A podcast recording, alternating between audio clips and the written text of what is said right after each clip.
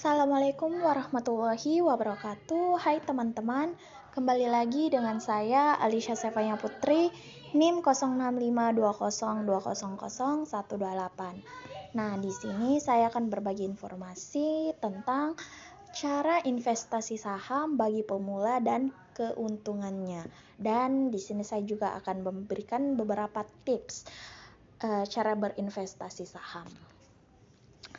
Cara investasi saham masih banyak yang belum paham 100%. Nah, ri resiko tinggi saham gak berarti selalu rugi, pasalnya potensi untungnya juga besar. Masih banyak yang belum paham soal cara investasi saham yang baik, padahal investasi ini bisa sangat menguntungkan meski risikonya tinggi. Investasi saham tentu bisa menjadi sarana untuk mewujudkan cita-citamu, karena dengan membeli saham, teman-teman sama saja dengan membeli perusahaan yang bersangkutan. Uh, khusus buat uh, pemula, teman-teman bisa memulai cara investasi saham. Uh, keuntungan dan resiko hingga tipsnya. Yang pertama, cara investasi saham bagi pemula secara online. Nah, jangan hanya taruh dana investasimu di satu portofolio saham. Untuk bisa memulai investasi saham, ada langkah-langkah yang harus teman-teman tempuh. E, di sini saya akan menjelaskan langkah-langkah tersebut dalam cara investasi saham. Yang pertama adalah pilih perusahaan yang sekuritas. Nah, yang pertama, cara investasi saham dimulai dengan memilih perusahaan sekuritas untuk membuka rekening efek dan rekening dana nasabah.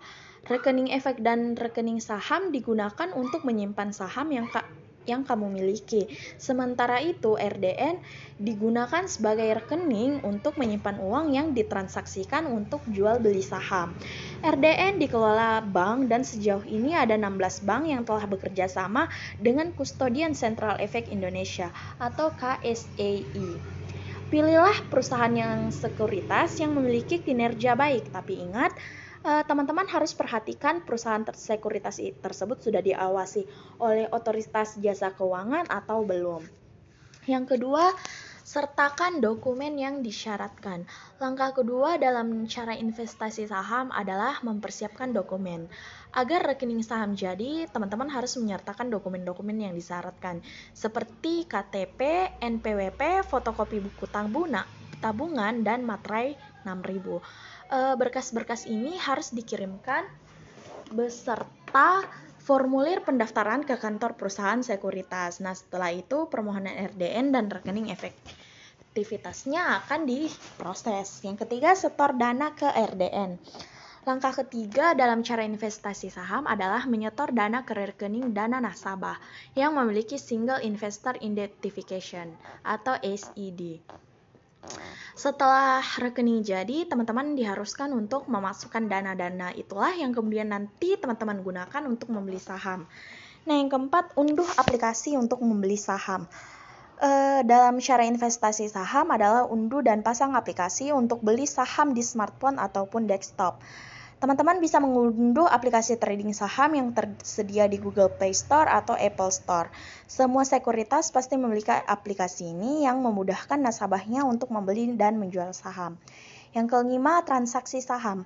Perlu dicatat ya teman-teman, pasar saham hanya melayani pembelian dan penjualan dari hari Senin hingga Jumat. Untuk sesi 1 berlangsung pada pukul 9 hingga jam 12 pagi. Untuk sesi 2 berlangsung pada pukul 13.30 hingga 16.00. Hanya saja ketika hari Jumat dimulai 14.00. Jumlah minimal saham yang kamu beli adalah satu lot atau 100 lembar. Jika seandainya harga saham itu adalah 300 per, per perak per lembar, uang yang kamu gunakan untuk membelinya adalah 300 kali 100 sama dengan 30.000. Ini belum termasuk biaya transaksi sekuritas. Ada beberapa istilah yang teman-teman harus ketahui seputar transaksi saham. Nah, istilah ini bakal teman-teman temukan di aplikasi trading saham. Yang pertama buy dan sell. Uh, jelas sekali menu ini teman-teman gunakan untuk melakukan pembelian atau penjualan saham. Baik menjual atau membeli, teman-teman akan diminta memasukkan jumlah lot yang teman-teman ingin jual serta harganya. E, jika teman-teman ingin membeli di harga di bawah harga pasaran saat itu, masukkan saja nominal di harganya di kolom. Begitu juga jika teman-teman ingin menjualnya di harga pasaran.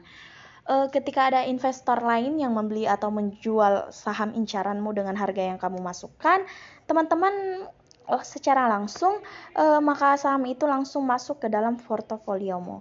Yang kedua adalah istilah bid dan offer uh, dalam transaksi saham ada istilah bid and offer.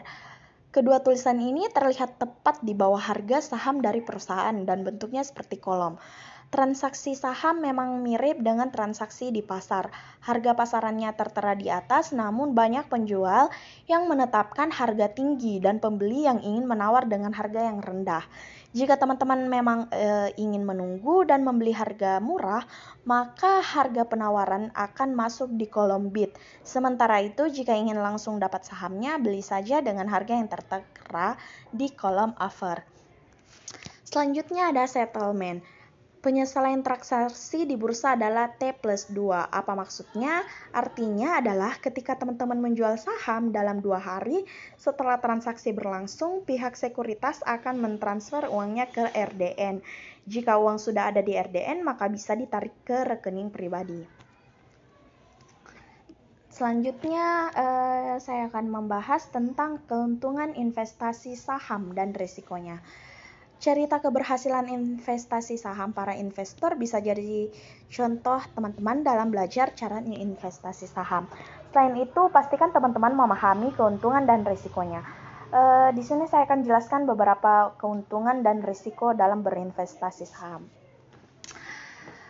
Seperti yang saya jelaskan, ada e, keuntungan dari investasi saham adalah dividen dan capital gain yang maksudnya dividen. Dividen adalah pembagian keuntungan atau laba kepada kita sebagai pemegang saham.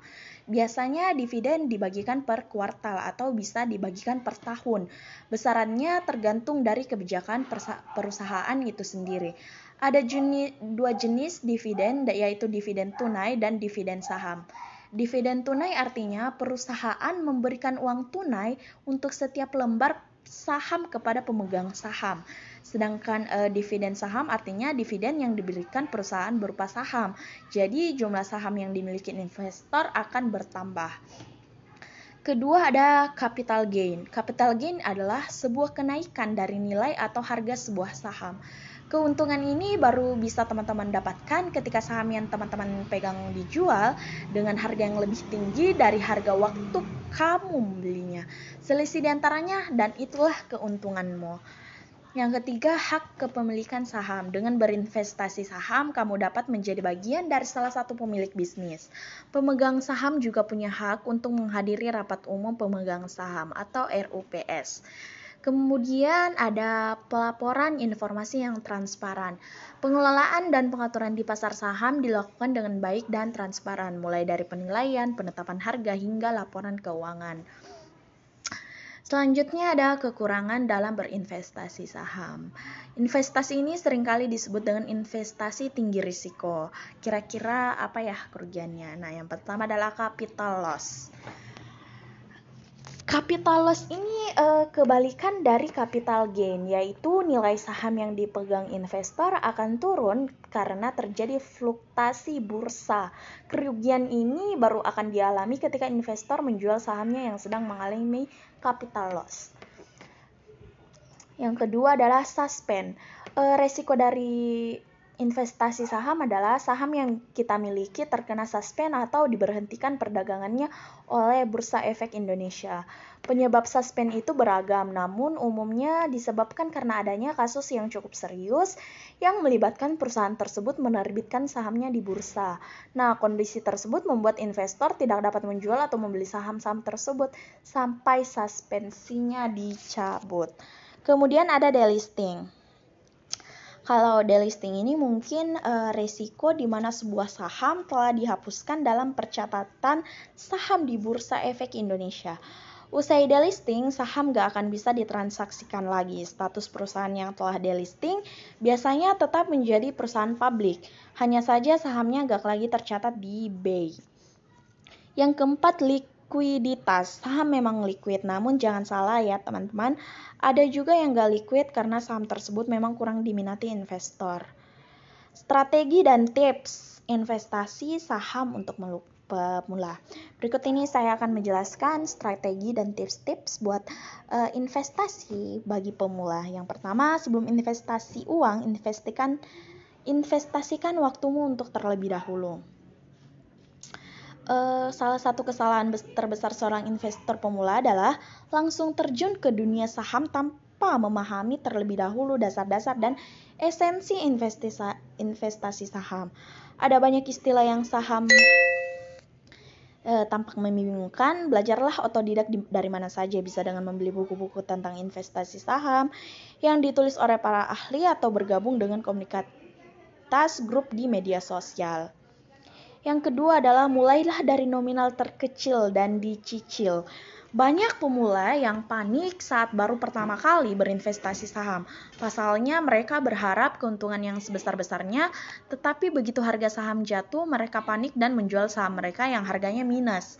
Sebut saja ketika modal investasimu adalah 100 juta. Saat portofolio sahammu naik 1%, maka investasimu akan naik sebesar 1 juta akan tetapi resikonya juga besar. Ketika portofolio saham minus 1%, minusnya juga sebanyak 1 juta.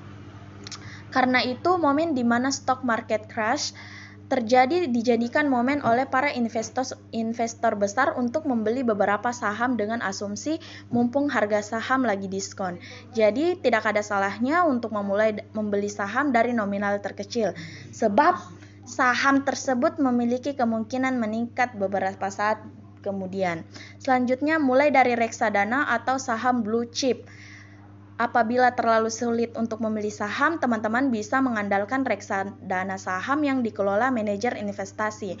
Manajer investasi akan memberikan rekomendasi portofolio top 10 saham.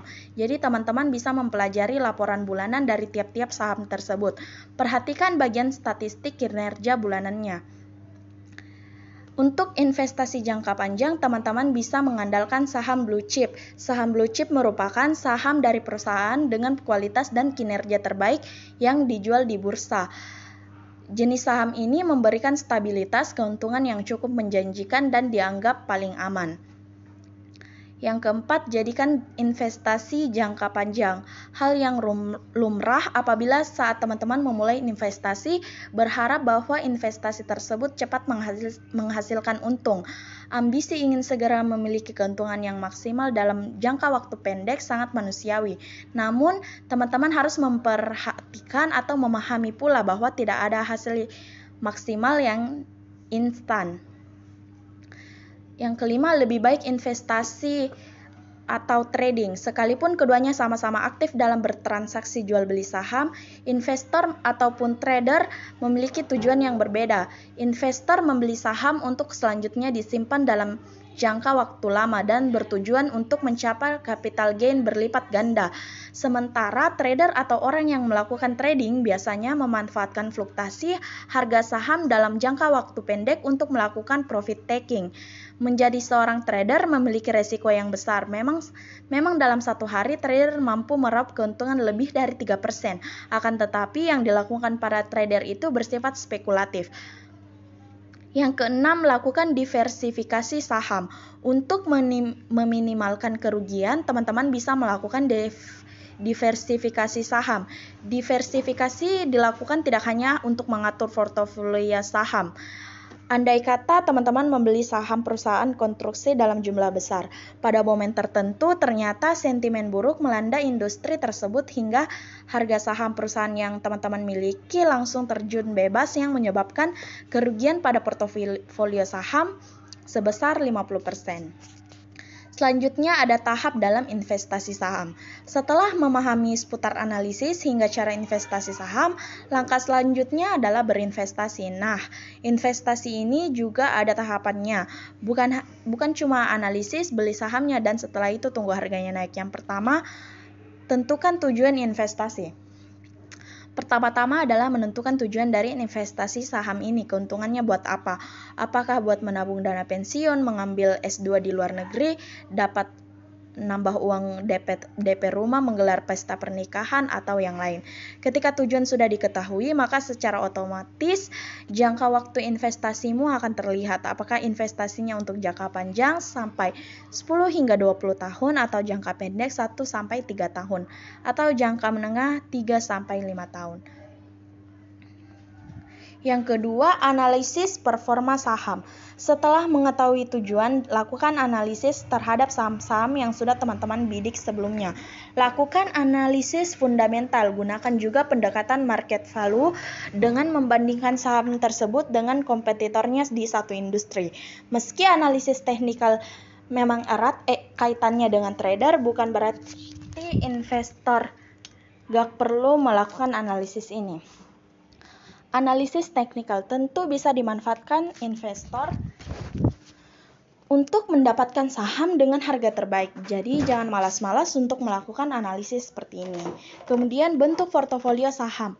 Aturlah seperti apa portofolio investasi saham teman-teman. Misalnya 50% dari modal yang diinvestasikan ke sektor consumer goods 30% di perbankan dan 20% di komoditas. Usahakan untuk melakukan disertifikasi berdasarkan industri perusahaannya seperti contoh yang saya berikan tadi. Kemudian evaluasi performa portofolio. Lakukan evaluasi secara berkala terhadap saham-saham di portofolio. Rajin-rajin baca berita agar lebih update dalam menyikapi tren terkini di industri terkait dunia saham. Baik, mungkin ini saja yang bisa saya uh, berikan. Kurang dan lebihnya mohon dimaafkan. Semoga uh, informasi ini berguna bagi teman-teman semuanya.